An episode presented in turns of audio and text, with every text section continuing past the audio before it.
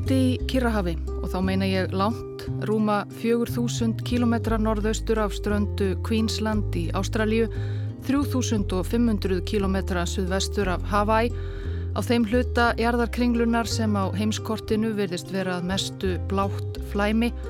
Þar er lítil kóralega. Reyndar er það ekki frásögur færandi Á þessum slóðum eru ótal litlar kóralegar, flestar svo litlar að þær sjástvalla nema á nákvæmustu kortum. Þetta er einslík, þrýhyrningslaga kóralrif, tæplega 8 km langt, 30 km breytt, gulur sandur og græn hitabeltisgróður og blátt lón í miðjunni. Fallegt á að líta en þarna hafa reyndar fáir komið en það er þetta ansi afskekt. Kvalveiðmenn voru líklega þeir fyrstu sem urðu eigunar varir á 19. öld og mertu hana inn á sjókort sín. Árið 1825 fekk hún nafnið Gardner eiga eftir Gideon Gardner, bandarískum aðtapnamanni sem þá satt á bandaríkjaþingi en gerði líka út kvalveiðskip á Kirahafi. Síðar ákváðu breytar að sölsa undir sig þetta ómerkilega kóralrif eins og svo margar aðrar smáegjur á þessum slóðum En í dag er rifið hluti af sjálfstæðu ríki sem samanstendur af allmörgum slíkum eigum, Kiribati, og hefur fengið nýtt nafn á opimberi tungu þess ríkis, Nikumaroro. Ágæti hlustandi það er engin sérstök ástæða til þess að þú ættir að hafa mikinn áhuga á Nikumaroro, ekki frekar en öðrum kóralrifjum Kirrahafsins, Nefna hvað að sumir telja þarna á þessari örlittlu eigu lengst út í hafi, 4000 km norðaustur af Queensland, leynist laust einnar frægustu ráðgátu sögunar.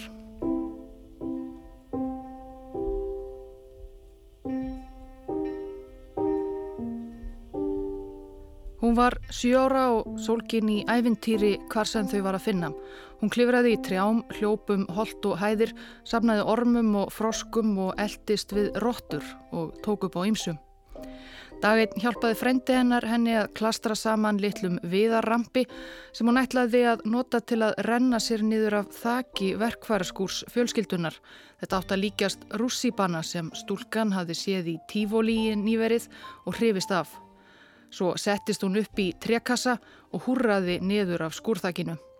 Þegar niður á jörðina var komið var hún með sprungna vör og kjóllin rifin en stúlkan var hæst ánægð með salibununa. Sagði við yngri sýstur sína sem fylgist með, þetta var alveg eins og að fljúa. Og að fljúa átti stúlka þessi eftir að gera aftur og aftur.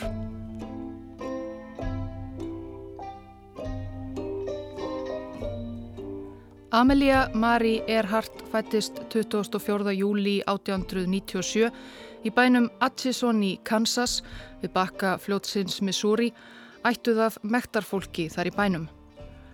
Móður hennar, Amy Earhart, þær voru nöfnur meðgurnar, lagði áherslu á nokkuð frjálslegt uppeldi Amelíu og sýstur hennar Grace sem var tveimur árum yngri.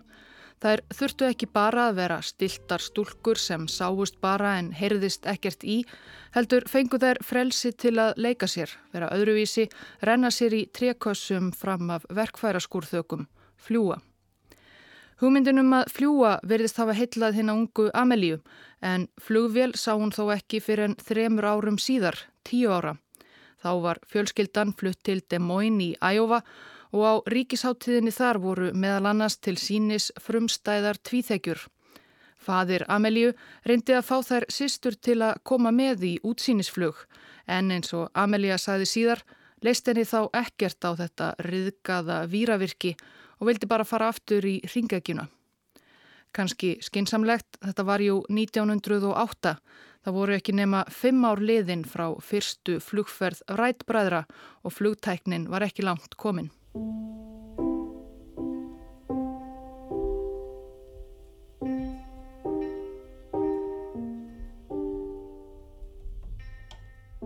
Næsti fundur Amelíu Earhart og Flíildis var um áratug síðar undir lok fyrri heimstyrjaldar. Hún var þá ung kona 21 árs. Hún hafði haldið áfram að vera nokkuð óvenjuleg alla sína barnæsku, frökk og metnaðarfull en líka oft utangarðs. Stúlkan sem klæðist alltaf brúnu og er einn stóðum hanna í árbók mentaskólans í Chicago en þangað flutti Amy Earhart með dæturnar tvær þegar drikja fjölskylduföður sinns var orðin vandamál.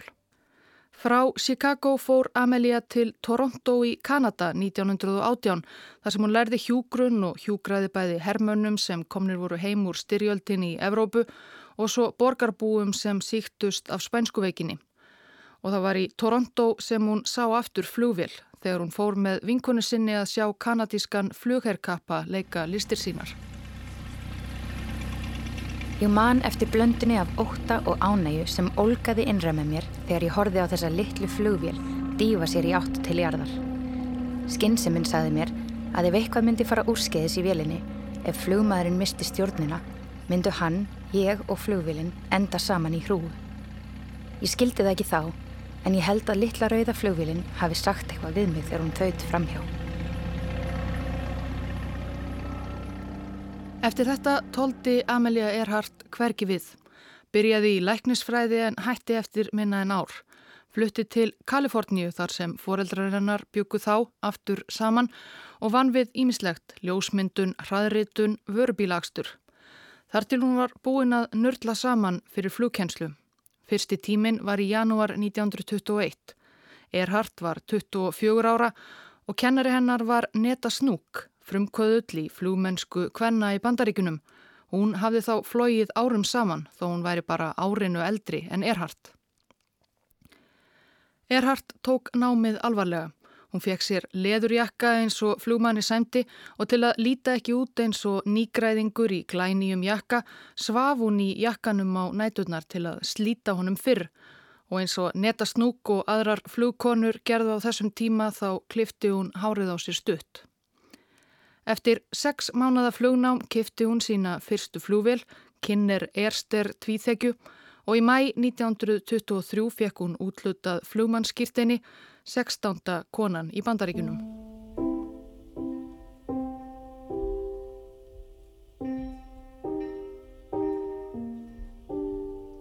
Flugmennskan var þó ekki alveg bein braut. Fjölskylda Erhard lendi í fjárhagskrökum og hún neittist til að selja kynner vélina á um miðbygg þriði áratugurins glimti hún við Ímis helbriðisvandamál. 1925 flutti hún til Massachusetts þar sem hún vann við Ímislegt en helt tengingunni við flugið, tók þátt í flugfélagi Bostonborgar og uppbyggingu flugvallar. Hún flög þó hún ætti ekki lengur sína eigin vél og hún vakti aðtikli fyrir færni og dirfsku í hálóftunum og framtagssemi á jörðunniðri. Littlu fyrir hálf 11 að kvöldi 21. mæ 1927 lendi einþekjan Spirit of St. Louis á Le Bourget flugvellinum í París með bandaríska flugkappan Charles Lindbergh innanborðs eftir tæplega 34 klukkustunda ferð frá New York. Lindberg varð þar með fyrstur til að fljúa einn og óstuttur og án þess að stöðva yfir Allandshafið. Uppóttækið vakti mikla aðtegli en Vestanhafs fóru karlar og konur strax að velta vöngum um hvenar kona myndi vinna sama afreg og hver kæmi til greina. Í vangaveltum flugspekinga kom nafn Amelíu Erhardt upp og tæpu ári eftir að Spirit of St. Louis lendi í París fekk hún símtal hvort hún hefði áhuga á að fljúa yfir Allandshafið.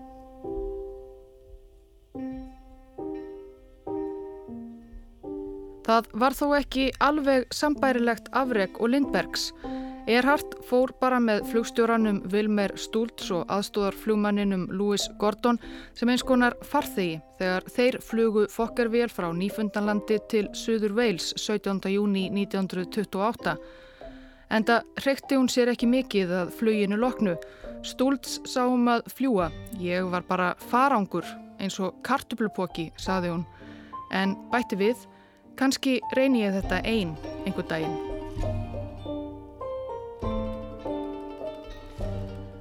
Að láta flytja sig yfir allandshafið eins og kartuflupoka var þó nóg til að gera Amelíu Erhardt samstundis viðfræga í heimalandinu.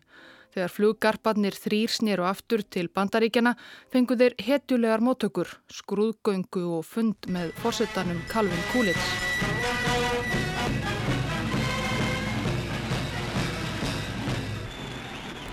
Drottning Háloftana var Erhard kölluð í pressunni og yðurlega borin saman við hitt stórmenni Háloftana Charles Lindberg en það voru þau meira segja nokkuð lík, bæði hávaksinn og glæsileg.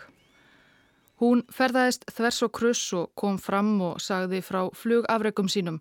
Hún kom fram í auglýsingum fyrir allt frá kvennfötum, konan sem var þekkt fyrir að vera oftar en ekki í praktískum klæðnaði sem hún saumaði sjálf og eins og á mentaskóla árunum yfirleitt brúnum að lit, frá kvennfötum yfir í ferðartöskur og síkaretur.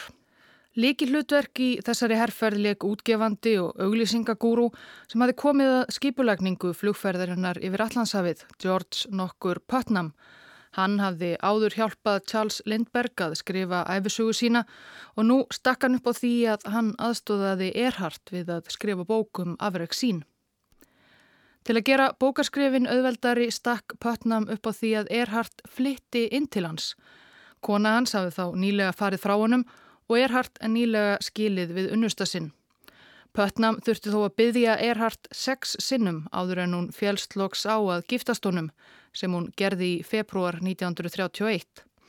Hún undirstrykkaði þó við mannsinn að hún liti á hjónabandið sem samstarf og ætlaði sér ekki að vera bundin honum einhverjum miðalda tryggðarböndum eins og hún orðaði það og hann ekki henni og hún helt eftirnafninu var áfram Amelia Earhart. Meðfram öllu þessu, auglýsingum, fyrirlestrum, bókarskrifum, giftingu, helt Earhart auðvitað áfram að fljúa sjálf, ekki bara sem kartublupoki í farþegarsætinu. Hún tók þátt í flugkeppnum hér og þar með góðum árangri og setti met eftir met. Í ágúst 1928 varð hún til að mynda fyrsta konan til að fljúa einn yfir norður-ameríska meginlandið og tilbaka. Með öllum þessum flugferðum fekk ég tækifæri til að kynnast konum um allt sem deildu sannfæringu minni að það sé svo mikið sem konur geti gert í nútíma samfélaginu og ættu að fá að gera án tillits til kyns þeirra. Ég fekk líklega mesta ánægju af því að sína með eigin fordæmi af og til að konur geti stundum gert hlutina sjálfar ef þær fá tækifæri til. Svo var eitt sem hún vildi endilega gera sjálf, fljúa yfir allandshafið einn og óstudd. Og það gerði hún nákvæmlega fimm árum eftir að Charles Lindbergh hafi gert slíkt til sama. 20. mæ 1932 lagði hún af stað frá Harbor Grace á Nýfundanlandi um borði eldröðri flúvil af gerðinni Lockheed Vega 5B.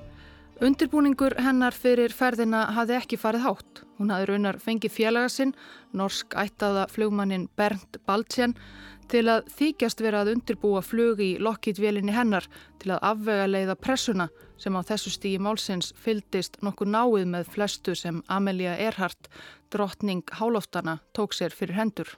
I took off the famous Harbor Grace runway at dusk, about 7.30 I believe. I flew for a couple of hours while sunset uh, lasted Hér heyrfum við Amelíu Erhardt lýsa sjálf upphafi ferðarinnar yfir Allandshafið í sjómasviðtali nokkru síðar. I had fair weather for four hours. Then I ran into a storm which was one of the most severe I have ever been in. I milled around in the storm here for probably an hour. Hún lendi í smá stormi já eða nokkuð erfiðum stormi reyndar í upphafi ferðar en allt gekk þó sangkvæmt áætlun og 14 klukkustundum og 56 mínútum síðar og að meira en helmingi fljótari á leiðinni en Lindberg vel á minnst, þá lendi Lockheed-vélinn á Akri í Londonderry á Norður Írlandi, bændum og búaliði þar til nokkurar fyrðum. I got down without any trouble and taxied to the front door. I was surprised Ertu búin að fljúa langt? spurði einn kaupasveitnin á bænum þegar Erhard steig út úr vélinni sinni á agrinum. Frá Ameríku, svaraði hún. After receiving a real Irish welcome, I took a Paramount plane to London and there received a real English welcome.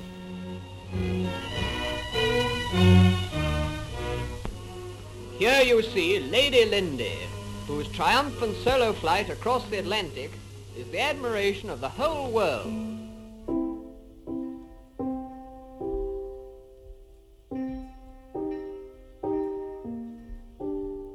Rétt við sólarupprás, örfáar mínútur í 6, 1. júni 1937, tókst flugvel af gerðinni Lockheed Electra á loft frá litlum flugvelli í útjæðri Miami á Flórida. Um borð voru tvær manneskjur, flugstjóri og leiðsögumæður og ferð þeirra var heitið til Oakland í Kaliforníu en þau ætluðu reyndar ekki að fljúa stistu leið þangað. Raunar heldur lengstu mögulegu leið. Jú, flugstjórin var auðvitað Amelia Earhart og þetta var upphafið að hennar næsta ævintýri og því metnaðarfylsta. Hún ætlaði að verða fyrst kvenna til að fljúa ringin í kringum jörðina og ekki bara það, fljúa eins nálagt miðbög og mögulega og þannig lengri leið ringin en nokkur, karl eða kona, hafi áður gert.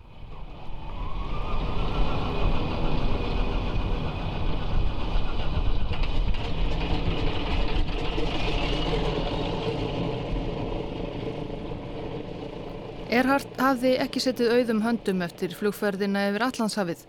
Hún hafði flóið beint frá Mexikoborg yfir meginlandið endilangt til New York og hún hafði orðið fyrst allra Karla og Kvenna til að fljúa yfir hálft Kirrahafið frá Hawaii til Kaliforníu. Amilcar of the Atlantic won over the treacherous Pacific. Roaring into the Oakland airport, she brings to a triumphant finish her 2,400 mile hop from Hawaii after 18 hours in the air. Allstaðar þar sem hún kom var henni tekið með kostum og kynjum en það löngu orðin heims-fræg fyrir afreiksín. 1935 gekk hún til liðs við Purdue háskóla í Indiana sem ráðgjafi á sviði bæði flugmálafræða og hvernig mætti auka hlut kvenna í tækni og vísindastarfi. Hjá Purdue byrjaði hún að leggja grunnað flugferð ringin í kringum jörðina og það var með hjálp háskólans sem hún eignaðist Lockheed Electra-vélina, tveggja hreipla vél sem hún saði gerðnan að væri eins og stóri bróðir Lockheed Vega flugvélarinnar sem hún hafi flóið mest á hingatil. Upphaflega var ætluninn að fljúa í vestur frá Kaliforníu yfir Kirrahafið og svo áfram, en Elektran lendi í vélarvandræðum strax í upphafi við fyrsta flugið frá Oakland til Honolulu 17. mars 1937 svo að Erhardt nittist til að lenda á flugvelli bandaríska sjóersins í Pearl Harbor. Á meðan var svo verið að gera við elektruna ákvað Erhardt að snúa leiðinni og fljúa frekar í austur, geima Kirrahafið þar til í lokferðar. Eins og vanalega fór Erhardt ekki hátt um áform sín, ekki fyrstum sinn. Hún lagði í raun af stað frá Ógland 20. mæ 1937. Hún og leðsugumæðurinn Fred Noonan sem hafi viðtæka reynslu af Kirrahafsflugferðum með Pan Am. Frá Ógland fluguðu til Miami og það var þar sem Erhardt kynnti loks fyrirhugaða flugferð ofinberlega. Amelia Earhart, ready for her great aerial adventure, around the world flight by way of the equator, a journey no pirate has yet attempted. Það voru 45.000 kílometrar til stefnu. Frá Miami flugu Erhardt og núnan auðveldlega til San Juan á Porto Rico, svo til Caripito í Venezuela, Paramaribo í Surinam, Fortaleza í Brasilíu, Natal líka í Brasilíu og allstaðar þar sem Erhardt og núnan leðsugumæður komu vöktu þau aðtikli og bandaríska pressan fyldist sömu leiðis með hverju þeirra fótmáli. Frá Natal flög Erhardt svo aðra ferð sína yfir Allandshafið, örlítið aðra leiðin í fyrraskiptið, frá Brasilíu og yfir til Senegal í vestur Afríku. Þaðan helt hún áfram þvert yfir Afríku, frá Senegal til Gao í Mali, Fort Lami sem nú er N'Djamena, höfuborg Tjad, Khartoum í Sútan, Massawa og Assab í ítölsku nýlendunni Eritrefu. Erhardt skrifaði dagbækur og fréttaskeiti sem hún sendi heim hvenar sem mögulegt var því fólk um heimallan fyldist jú spennt með gangi ferðarinnar. Og hún saði frá gangi flugsins og framistöðu elektrunar en hún skrifaði líka um það sem hún upplifði á jörðunniðri, matarilmin í Brasilíu, rithman í afrískum smáþorpum og fótabúnað senegalskra kvenna um víðáttur Sahara eðimörkurinnar, borgarskipulægið í Kartum og svo framvegis. Hægt væri að hafa langt málum ferðasöguna en við skulum halda áfram.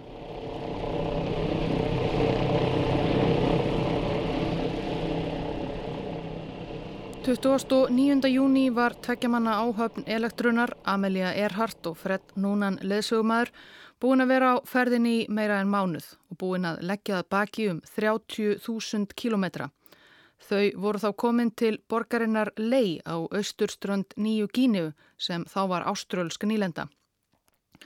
Þau höfðu flóið yfir Rauðahafið til Indlands, þaðan til Burma, Thailands, Singapúr og í gegnum hollensku, austur, Indjur, Indonésiu og loks til Darwin í Ástralju og þaðan til Lei. Erhard hafði skrifað um hitan og rakan og mannfjöldan í Kalkúta, gullskreitt hof og vatnabuffala, um gödutískuna í Rangoon, fjalla sínina í Bangkok, óteljandi eigjar Indonésiu eins og glóandi smaragða í Turkíshafi eins og hún orðaði það. Í lei skrifaði hún um trjákofana sem innfættir byggðu á stöplum í sjónum við ströndina, um þykkan frumskógin og yðjusamt fólkið en þeim var ekki til setunar bóðið. Allt hafi gengið vel hinga til en innan skams var komið að einum erfiðasta hluta flugferðar þeirra í kringum hnöttin. Lei, Nýja Gínea, annan júli, AP. Amelia Earhart lagði af stað á leið til Háland-Eyju klukkan 10 í dag. Byrjuninn á 4113 km flugferð yfir Kirrahafið, leið sem enginn hefur áður farið í flugvél. Lockheed Electra vélfrú Earhart átti auðvelt með erfitt flugtækið en var þó bara 40 metrum frá enda flugbrautarinnar þegar hún tókst á loft. Framundan var lengsti leggur ferðarinnar til þessa. Raunar allra lengsti leggurinn á allri ferðaáalluninni. Ekkert nema Kirrahafið í 4113 kilometra þánga til þau kæmu að lítilli kóralegu, eiginlega bara skeri, sem laud bandarískum yfiráðum. Háland eigu þar sem sérstaklega var búið að byggja frumstæða fljóbraut til þess að þau gætu lent. Skip bandarísku landhelgiskeslunar var í nágreininu og átti að vera í sambandi við Erhard og Núnan á leiðinni, hjálpaði um að finna eiguna þessa náli heistakki hafsins. Um borði varðskipinu í Tarska við Háland eigu, annan júli, AP. Bandarískir sjóliðar og landhelgiskeslumenn stóðu vörði í nótt á einhverju einmannalegasta hafsvæði á yfirborði jarðar til að vísa Amelíu Earhart veginn á lengstu og hættulegustu flugferð ferilsennar. Í Taska og varðskipið Ontario byðu fregnaða flugtæki hennar frá lei á leið til Hálandeyju nær ósýnilegrar landsbyldu sem telst útmörk bandaríkjana í söður Kirrahafi. Elektra Amelju Erhardt lagði af stað frá leiði nýju gíniu á miðnætti að staðartíma. Hvað svo gerðist veitum við í raun og veru ekki því Elektran, Amelja Erhardt og leðsögumæðurinn Fred Núnan sáust aldrei meir.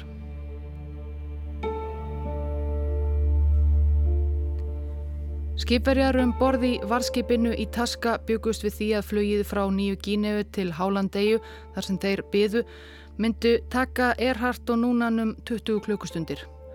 En þeir örðu áhyggjufullir nokkru fyrr þegar ljóst var að þeir áttu í erfiðleikum með að ná sambandi við Erhard og það með öllum fjarskiptatækjum sem þeim stóðu til bóða.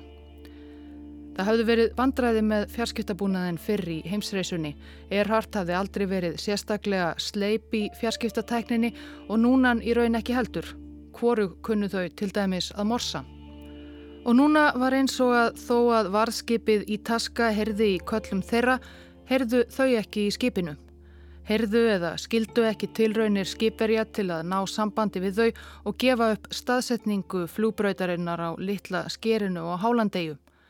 Úr skeitaskrá varðskipsins í taska. Er hart í norðvestri. Segist verið að verða ólíulegs. Bara hálf tíma eftir. Heyrir ekkert í okkur. Við heyrim í henni og sendum út. Loftskeitamönnunum á í taskaran kallt vatn milli skins og hörunds. Skipverjar höfðu verið að búa sig undir að taka fagnandi á móti Erhard og Núnan. Nokkru síðar. Erhard kallar. Í taska við hljótum að vera nærri en við sjáum ykkur ekki. Óljan er að verða búin. Náum ekki sambandi, fljúum í þúsund fötum. Um borði í taska kveiktu skipverjar upp í köllunum í vonum að Erhard, einhver staðar upp í hálóftunum, geti séð reikin leggja upp af skipinu. En það var kannski frekar lítil von til þess. Það var nokkuð þungbúið yfir sunnanverðu Kirrahafinu og reikurinn úr köllunum rann fljótt saman við dökk skíin. Um 20 klukkustundum og korteri eftir að lokkit elektra vél Amelju Erhard lagði af stað frá leiði í nýju Gíneu heyrðu skipverjar á í taska flugkappan gera enn eina tilraunina til að ná sambandi við einhvern um borð og gefa upp staðsendingu sína. Úr skeitaskrá skipsins aftur. Erhard kallar til í taska. Við erum á línu 157337. Við endurtökum skilabóðin á tíðni 6210. Býðið. Skipverjarnir á í taska gáttu svo sem lítið annað gert en að býða en frekari tilraunir til að ná sambandi við Erhard báru engan árangur.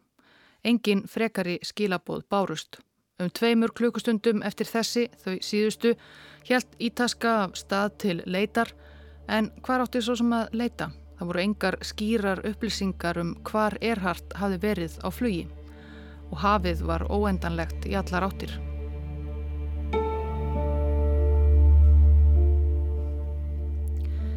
Ekki leið á laungu þar til bandarísk stjórnvöld voru búin að ræsa út sjóherrin að taka þátti í leitinni að Erhard og Núnan á samt landtyrkiskeslu.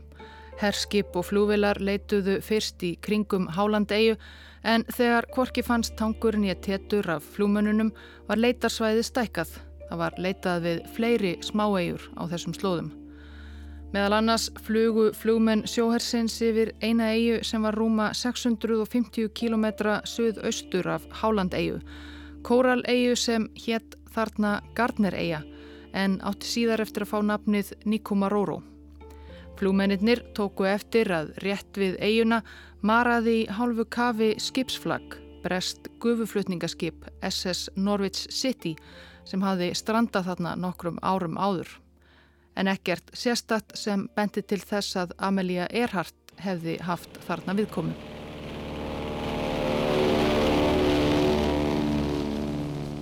Then to a waiting world came news of disaster as the plane failed to reach tiny Howland Island in mid-Pacific. A British freighter, the Coast Guard and the Navy sped to the search.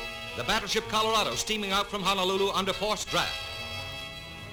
Skipulaðri leit bandarískra stjórnvalda að Amelíu Earhart, Fred Noonan og Lockheed Electra vel þeirra var hætt 19. júli 1937, rúmum tveimur vikum eftir að þau hurfu. Þetta var þá orðin dýrasta og umfangsmesta leitar aðgerði í sögu bandaríkjana en algjörlega áranguslaus. Engar vísbendingar höfðu einu sinni fundist um afdrif elektrunar og tvímenningana innan borðs. Eftir að ofinberi leit var hætt skiplaði eiginmaður Erhard George Putnam frekari leitar aðgerðir víða á sunnanverðu Kirrahafi fyrir eigið fjö en skemst frá því að segja að þær báru engan árangur heldur. Amelia Erhard var úrskurðuð látin af bandarískum yfirvöldum 5. janúar 1939 einu og hálfu ári eftir að hún kvarf á flugi yfir Kirrahafi. Hún var þá færtug.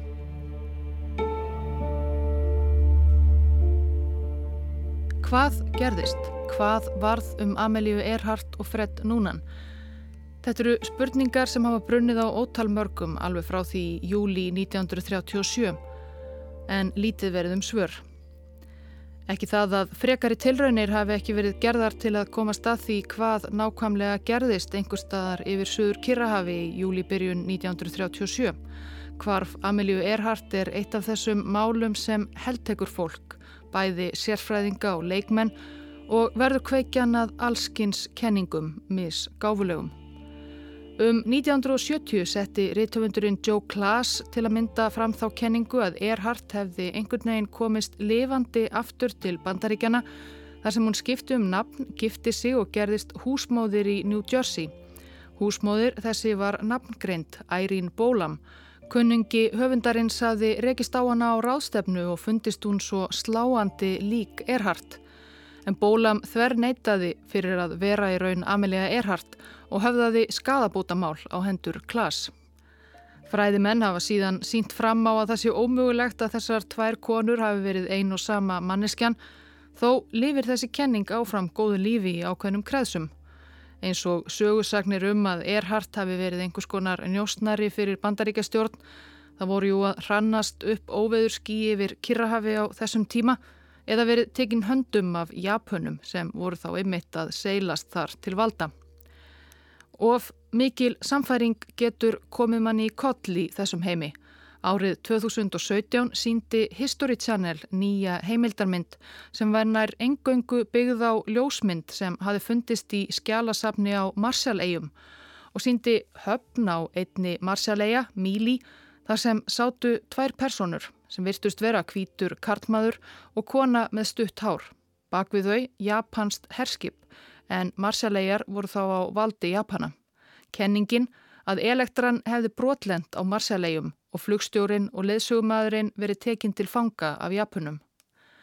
Því miður leið ekki nema einn dagur frá því að heimildamind þessi var frumsýnd og að japanskur bloggari var búin að komast að því að ljósmyndin var í raun og veru úr japanskum túristabæklingi fyrir Marsjallegar frá 1935, tveimur árum áður en Erhard Kvarf, fólkið við höfnina því ómögulega þau núnan.